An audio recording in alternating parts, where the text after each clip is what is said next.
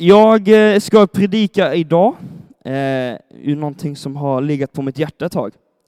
Eh, jag har insett när jag, jag har inte levt så långt liv, men jag har insett att eh, det är väldigt få som har haft en sån eh, resa som jag har haft.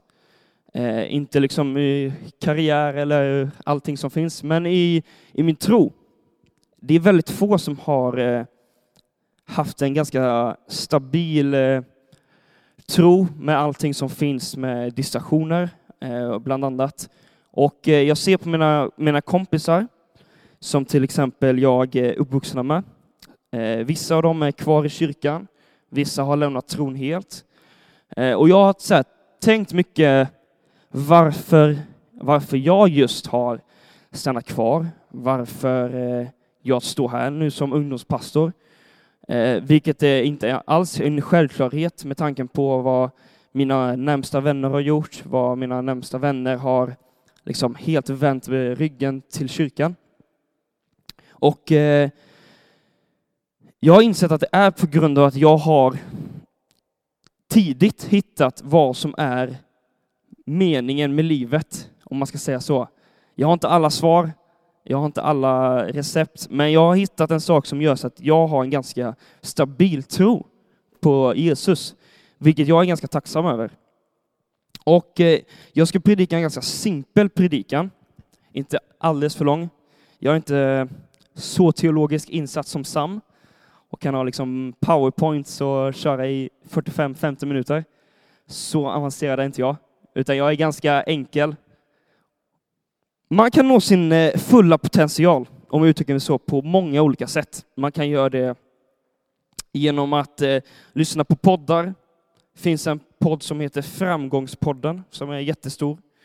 Man kan nå eh, sin, hitta sin mening med livet eller nå sin fulla potential genom att träna hårt. Eh, jag hade en dröm att bli fotbollsproffs ett tag och då eh, sparkade jag mycket fotboll och gymmade en del. Sen så insåg jag att jag inte kommer bli så bra, så jag gav upp. Men man kan hitta, man kan hitta göra massa saker för att nå sin fulla potential. Och jag tror att det finns liksom, världen har satt upp en bild vad som är meningen med livet. Eh, oftast om man liksom pratar med människor som inte har en tro så handlar det mycket, eh, handlar många samtalsämnen om så här, om hus, om eh, bilar, om familj, om, eh, om alla de här sakerna som finns där, materiella på något sätt. Och det är lite det som mäts upp med vad som är meningen med livet. Om man har ett hus, eh, om man har villa, vad säger man, villa, barn, hund och eh, Volvo, alla de här grejerna man säger, så har man liksom nått målet på något sätt. Och jag har, för det första är jag ganska långt bort från vad som är målet med livet så fall. Men jag, eh, jag, det jag kan känna är att det är en ganska skev bild på vad egentligen Jesus vill med vårt liv. Eh, jag vet inte hur många det är i, i den här kyrkan eller ja, men i världen som har liksom en, en, allt det här bil, villa och hund och alla de här grejerna. Och jag tror att det inte alls är alla som kommer nå det målet heller, men jag tror inte det är det som är liksom meningen med livet, utan det står massa saker i Bibeln som, som vad som är meningen med livet. Och att mäta lycka på något sätt har gjort, eller har världen lagt upp en bild på att om man har liksom ett hus eller om man har en lägenhet så är man lycklig, eller om man har många följare på Instagram så är man lycklig, eller om man har de, åker på de finaste resorna, då är man lycklig. Och för mig så handlar livet så mycket mer än det såklart. Och såklart så älskar jag att resa. Eh, jag älskar till exempel skor som är en ganska materiell sak. Jag har ett stort intresse i det. Men jag tror att, att till exempel här som det står i Matteus 6, att samla er inte skatter på jorden, där rost och mal förstör och tjuvar bryter sig in och stjäl. Samla era skatter i himlen, där varken rost eller mal förstör och där inga eh, tjuvar bryter sig in och stjäl. För där din skatt är, där kommer också ditt hjärta att vara.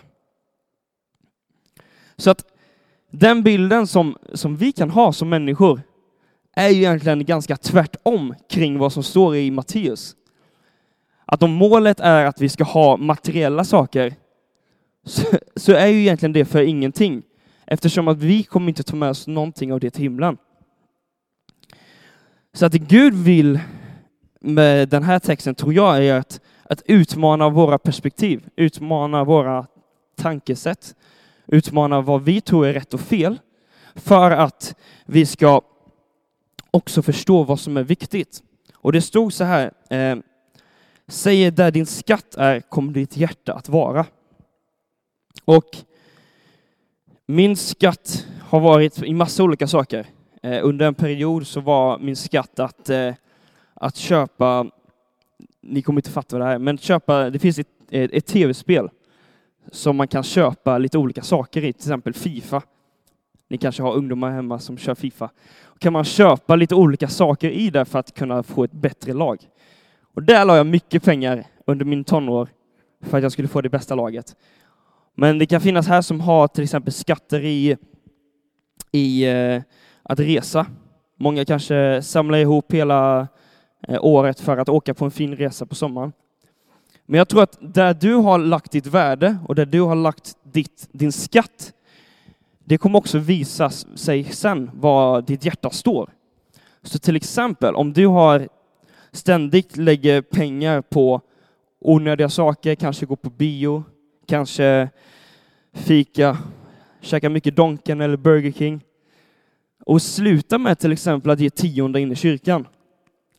Då visar du ju att din skatt är att ha, ha roligt istället för att välsigna Guds församling. Och det kan låta jätteutmanande och, och kanske till och med provocerande, men jag tror att för att vi ska nå vår fulla potential så måste vi välja noggrant vad vi väljer att vår skatt ska vara. Och eh, jag har haft många gånger mitt hjärta på fel, på fel plats såklart och, och ibland så får man påminna sig själv. Och eh, för att du ska uppnå din fulla potential så måste du välja eh, rätt saker som du ska fylla ditt hjärta med. Och eh, min fråga till dig idag är vad eller vilka hjälper dig att bygga din, din tro? För jag tror att eh, om du har en tro, till exempel en tro för att göra eh, bättre saker för kyrkan, en tro för att eh, det bästa ska, som Gud vill för vår församling ska ske, då kommer det också resultera till att ditt hjärta hänger med. Jag tror tro och hjärta, det hör så sjukt mycket ihop. Att din, eh, om jag skulle till exempel, jag och många ungdomsledare som finns eh, på Unity, när vi vecka efter vecka investerar i ungdomar, i era ungdomar, för att de ska höra Guds ord, för att de ska få eh, vänner för livet som har bra värderingar. Där visar vi vad vi har vårt hjärta. Och eh, min rubrik på denna predikan idag, det är eh, Vem har ditt öra? Och det kan låta jättekonstigt. Jag menar inte att du ska hugga av ditt öra och ge det till någon. Utan det är mer så här, vad väljer du att lyssna på? Vad väljer du att eh, vad väljer du för intryck att komma in i ditt liv? Och vi ska läsa en story i Fjärde Mosebok. Eh, Fjärde Mosebok kapitel 13. Sådär. Och det är en story som är väldigt intressant. Det är en story om eh, Israels folk som eh, vandrar i öknen. Och Moses håller på att leda dem in till det förlovade landet.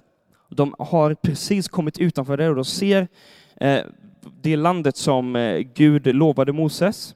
Och de är där och Mos, eller Gud säger till Moses att sända ut tolv stycken spejare. Och de spejarna ska kolla hur landet ser ut, om det är så att det, det Gud säger är sant, att det flödar av mjölk och honung och frukt eh, finns där och, och liksom att det är väldigt fint, som de tror att det, detta löftesland ska vara.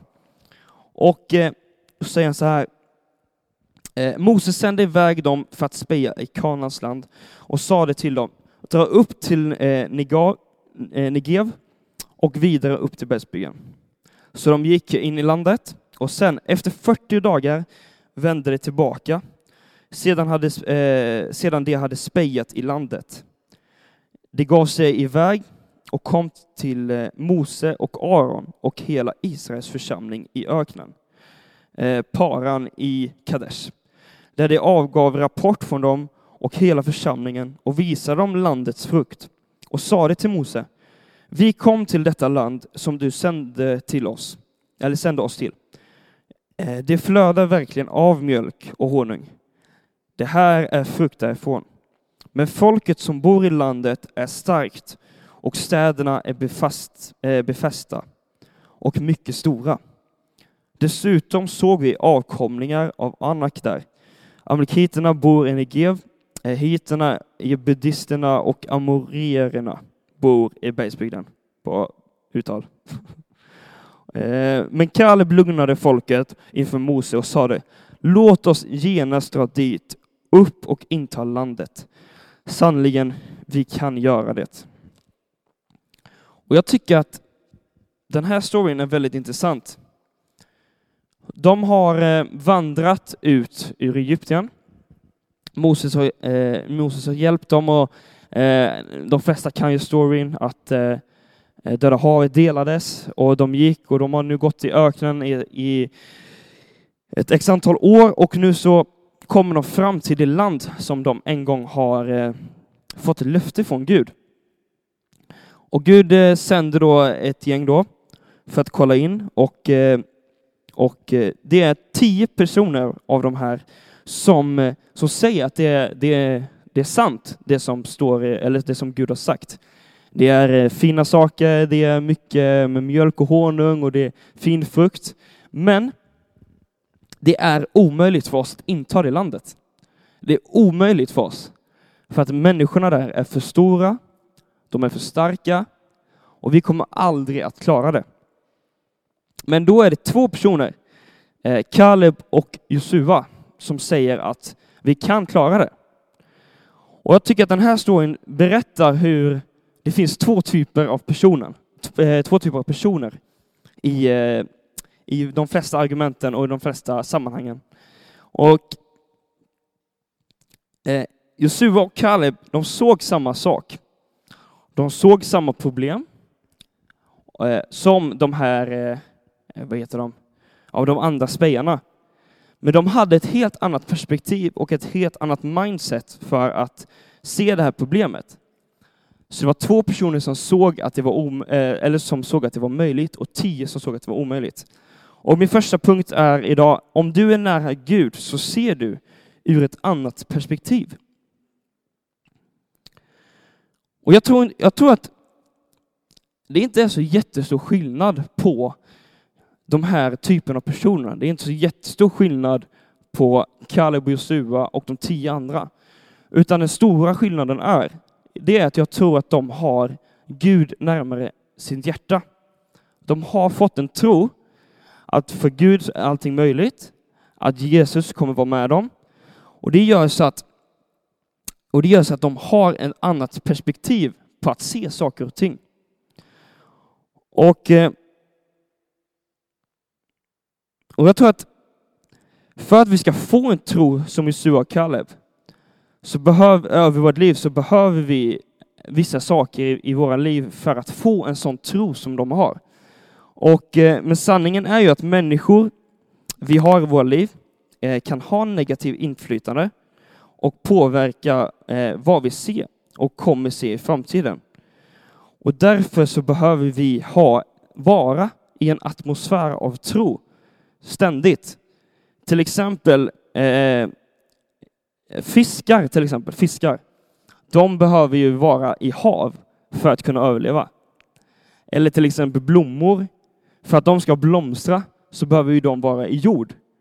Och för att din tro ska växa så behöver den vara med människor som har en tro och även ständigt vara med Gud. Och Guds, Guds ord eh, är det som får vår tro att växa. Till exempel eh, när jag har i vissa säsonger i mitt liv mått eh, dåligt så, så har jag ständigt behövt gå, vandra tillbaka till, eh, till Guds ord för att se de löften som, som Gud har talat om. Det står till exempel i Guds ord att eh, du är underbart skapad, att han alltid kommer vara med oss, att eh, Guds nåd är ny varje morgon, att Gud älskar oss. Och det finns massa löften som vi behöver fylla oss med varje dag för att kunna gå in i det som Gud vill att vi ska gå in i och för att vi ska ha vår fulla potential. Och jag tror att tron är det som gör att vi får se vårt mirakel och tro är det som gör så att vi får se de omöjliga situationerna bli möjliga. Och det är egentligen ganska basic kristendom. Ni har säkert hört det miljontals gånger om ni har gått till kyrkan. Men jag tror att, att eh, även fast man hör det ganska ofta, man kanske hör det varje söndag, så blir det ändå så ibland att man väljer att ta fram Netflix det första man gör på morgonen, eller ta fram Instagram det första man gör på morgonen, när man egentligen ska ta fram Bibeln. Och även fast vi har lyssnat på Sam kanske jättemånga gånger, och man kanske lyssnar på andra predikanter, så är det ändå så att man oftast inte gör det. Och jag tror det är på grund av att man behöver ständigt påminna sig själv om att, att äh, vara en atmosfär av tro. Att vara i en atmosfär som gör så att man blir lyft. Och, eh, till exempel, jag, jag delade det på min, eh, min förra predikan för några veckor sedan, att under corona så hade jag jättesvårt för att läsa min bibel. Alltså jag, jag, jag, jag förstod inte varför, men jag hade jättesvårt. Och jag tror det var för att jag blev liksom borttagen från att ständigt komma till kyrkan. Och att liksom påminna mig själv om att sätta Gud först. För det var ju som att när under corona när man satt i sin pyjamas eh, på söndagsmorgnarna och lyssnade på någon predikan på Youtube, så blev det inte som att man satte Gud först hela tiden, utan det var att man satte sin, vad ska man säga, det som var skönare, det som var lite najsigare. Men jag tror man behöver påminna sig själv om det. Och I Romarbrevet 10.17 så står det så här. Eh, alltså kommer tron av, eh, av predikan och predikan genom Guds ord. Och där säger, han, eh, säger Paulus ganska tydligt att för att du ska få en tro så får du det genom att läsa Guds ord.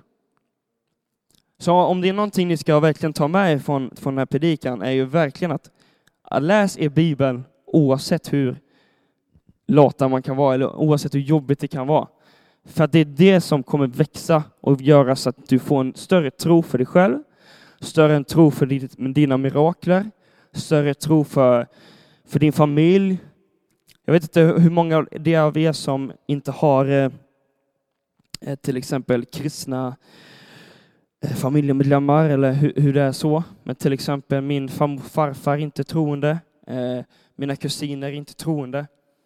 Och jag tror att för att om jag ska be igenom det så räcker det inte att jag ber igenom det en gång eller, eller att jag säger någon gång då och då till Gud att, eh, att jag eh, liksom använder mig för att de ska bli frälsta.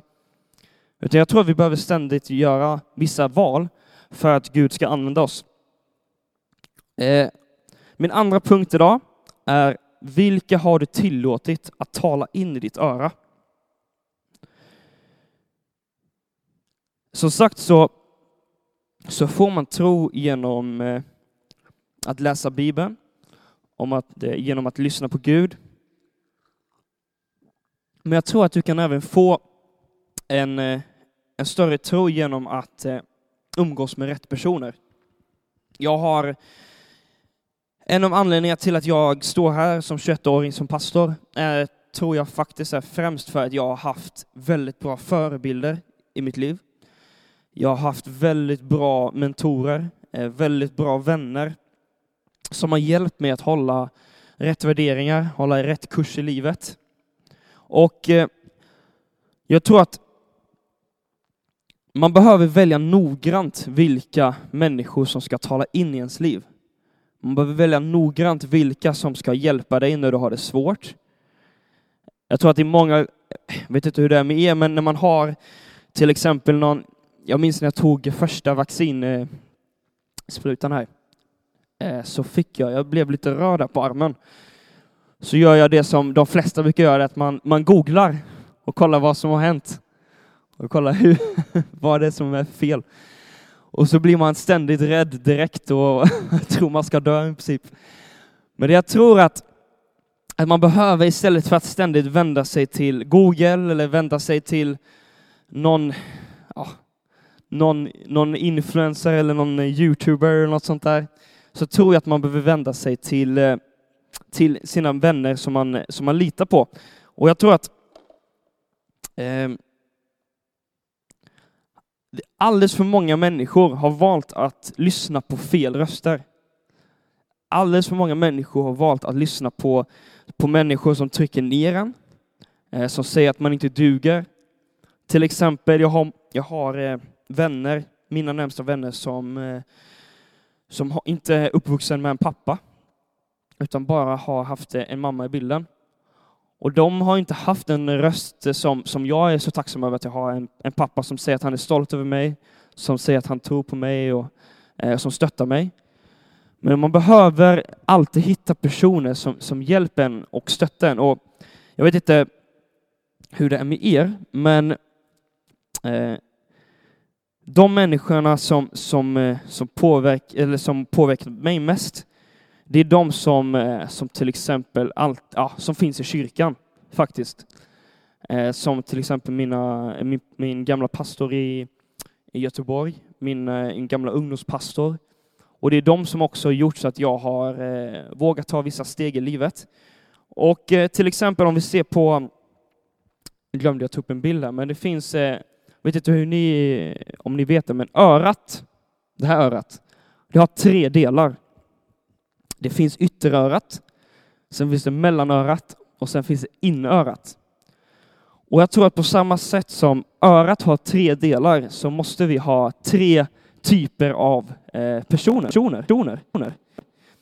Vi behöver människor, eller vi kan, det finns människor till exempel som bara ska finnas vid ytterörat som inte ska tala in hela vägen in i inörat.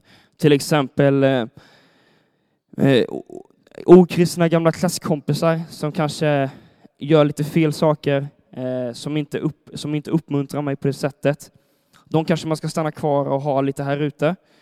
Mellanörat kanske är de människorna som man eh, spelar paddel med, eller som man spelar tv-spel med, eller som man hänger med eh, veckovis. Men sen så behöver man människor då och välja noggrant vilka som, är, som ska tala in i sitt inöra. Och jag har, jag har fem, fem eh, kompisar till exempel som, som kan säga allt till mig, och eh, på gott och ont. Och jag säger allting till dem.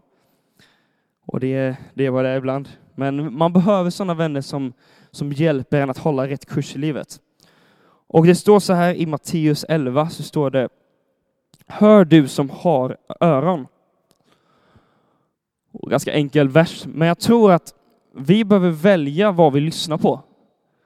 Om det är att lyssna på eh, de vännerna som är i sitt inöra, eller att välja de rösterna som man kanske borde ha på sitt ytteröra, så behöver vi välja rätt personer för att bygga ens tro. För till exempel om jag ska bygga min tro på att eh, jag har en dröm om att eh, om att Unity ska växa till exempel. Jag vill att Unity ska komma, ungdomsgruppen, jag vill att det ska komma många ungdomar varje fredag som möter Jesus. Då kan inte jag lyssna på okristna gamla klasskamrater som inte har en alls relation till Gud. Utan då behöver jag lyssna på dem som till exempel ja, har varit kristna ett tag, som kan se sånt, som kan be med mig, som tror på mig. Då, går, då, då måste jag välja dem. Och jag tror att vi, många människor, har valt att lyssna på röster som oftast trycker ner en faktiskt. Trycker ner ens självbild, trycker ner ens drömmar, trycker ner ens visioner. Och vi behöver välja eh, tydligt vilka som, eh, som ska tala in oss. Och jag vet att det är mycket upprepning. Jag vet att eh, sagt mycket sam samma sak och det är mycket eh, som ni kanske hört tidigare. Men det finns en anledning varför jag säger det och det är för att jag ser när jag ser till exempel på ungdomar. Jag har, även fast jag är ganska ung, så har jag varit ungdom själv, men jag har också många ungdomar som jag jobbat med, som jag har hjälpt. Och de har lyssnat på helt fel röster i sitt liv och hamnat helt snett redan som till exempel 13-åring.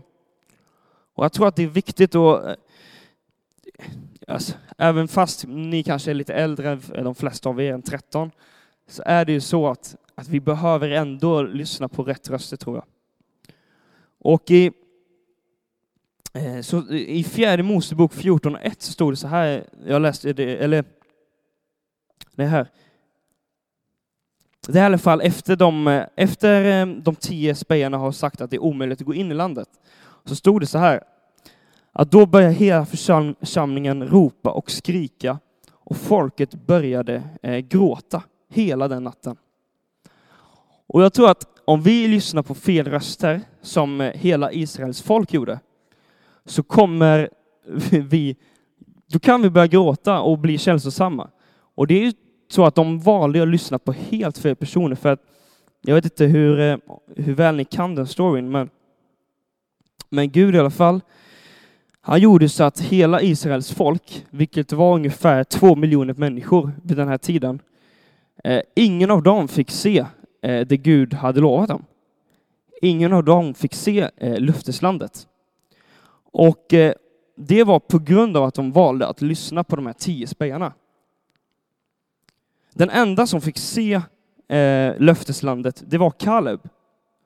Och det var på grund av att Gud såg hans hjärta och såg hans vilja att nå eh, sitt löfte. Och jag tror att om vi börjar lyssna på fel röster, som till exempel de här spejarna, och, ha, och lyssna på sådana röster som har mentalitet som tio så kan det vara så att ni inte uppnår er fulla potential. Och jag tror att det är, det är en ganska sad story att två miljoner inte fick se sitt löftesland. Men jag tror att det är, det är en, en sak som vi behöver ta, ta, eh, ta till oss. Att, att välja varsamt vilka röster man lyssnar på. För annars kan det vara så att ni inte uppnår er fulla potential.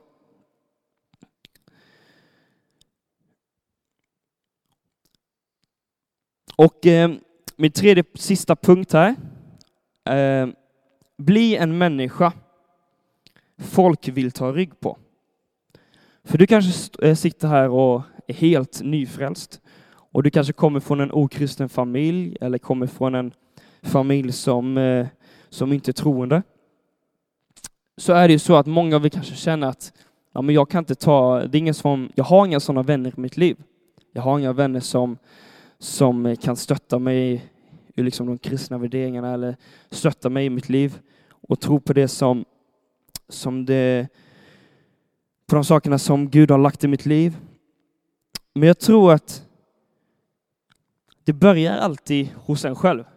Det börjar alltid med att vi måste bli en människa som folk vill umgås med. Och vi måste bli människor som, som, eh, som är en sån människa som man vill ta rygg på. Till exempel eh, om man har en relation med en vän, som jag har med mina fem grabbar, så är det ju så att vi träffas inte varje vecka nu, för jag bor här, men jag träffar dem ungefär en gång i månaden. Och eh, det är ju så att om jag hela tiden ska hjälpa, eh, om relationen hade byggt på att jag bara ska ge ut hela tiden och jag ska stötta och jag ska be, så funkar det inte. Utan det måste komma från båda parterna. Och jag tror att om vi tar liksom lite ansvar som kristna, som människor, och liksom är de människorna som, som folk vill ta rygg på, istället för att vänta på att folk ska hjälpa oss och, och så, så tror jag att, att du kommer få människor som följer efter dig. Till exempel, det är ju en av anledningarna, en av, eh, anledningarna kring eh, varför Jesus kunde förvandla hela världen på tre år. För att människor ville ta rygg på honom. Så att det är verkligen en uppmuntran jag vill att ni ska ha. Att vara en, en person som Kaleb och Josua istället för att vänta på vänner som Kaleb och Josua och så ha en sån mentalitet.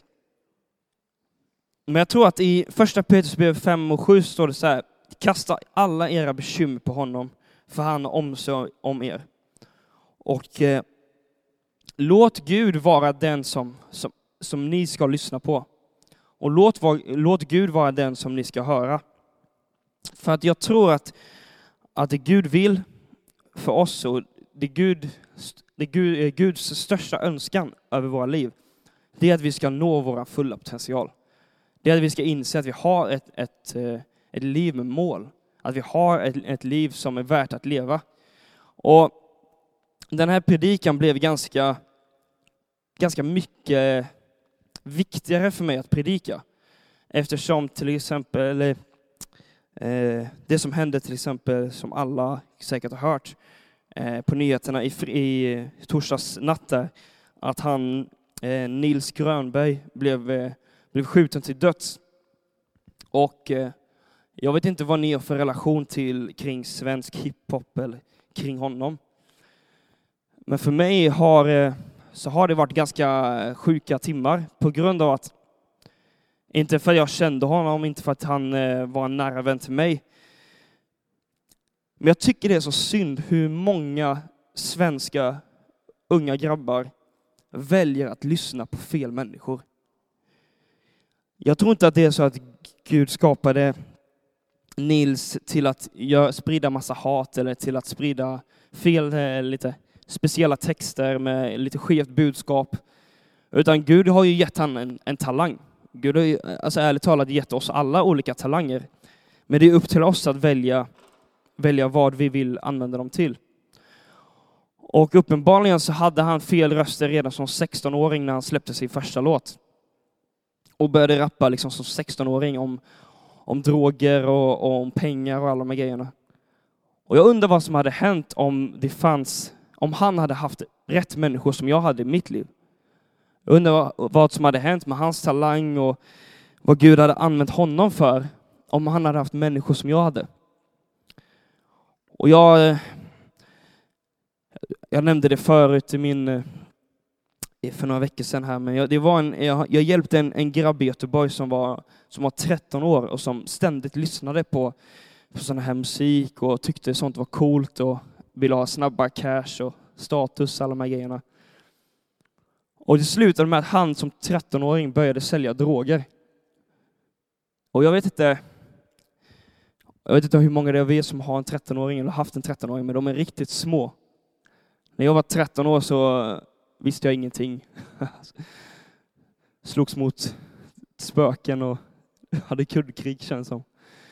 Men det jag tror att, att eftersom att man lyssnar ständigt på sådana röster, tycker sånt är coolt och meningen med livet har blivit att man ska ha snabba cash och mycket fame, så är det så många ungdomar som är, som är helt vilsna. Och min, det är verkligen en av mina största drivkrafter i livet. Det är verkligen att, att ungdomar istället för att leta efter status, istället för att leta meningen med livet hos människor som, som är helt ute och cyklar, att de ska hitta sin mening och sin fulla potential i Gud. Och eh, jag tycker verkligen det är helt sjukt att, att kyrkan inte får mer beröm än, än vad den egentligen får. Om vi ska vara ärliga, kyrkan, alltså alla ungdomar som kommer och som möter Gud och som får sina liv förvandlade. Som till exempel eh, eh, Sebastian Staxet som har haft en liknande bakgrund som är helt förvandlad nu. Jag undrar vad som hade hänt om, om verkligen människor hade förstått hur viktig kyrkan var. Hur viktigt det är att lyssna på rätt röster. Hur viktigt det är att lyssna på människor som lyfter upp en istället för att trycka ner en. Istället för att använda 13-åringar för att skriva dumma texter och tjäna lite snabba cash istället för att de ska hitta sin fulla potential i Gud. Och eh, jag är så sjukt tacksam över att jag har haft rätt röster i mitt liv. Och eh, jag vet inte hur den här predikan tog er och hur mycket tjat det kanske var och hur snabbt jag kanske pratar.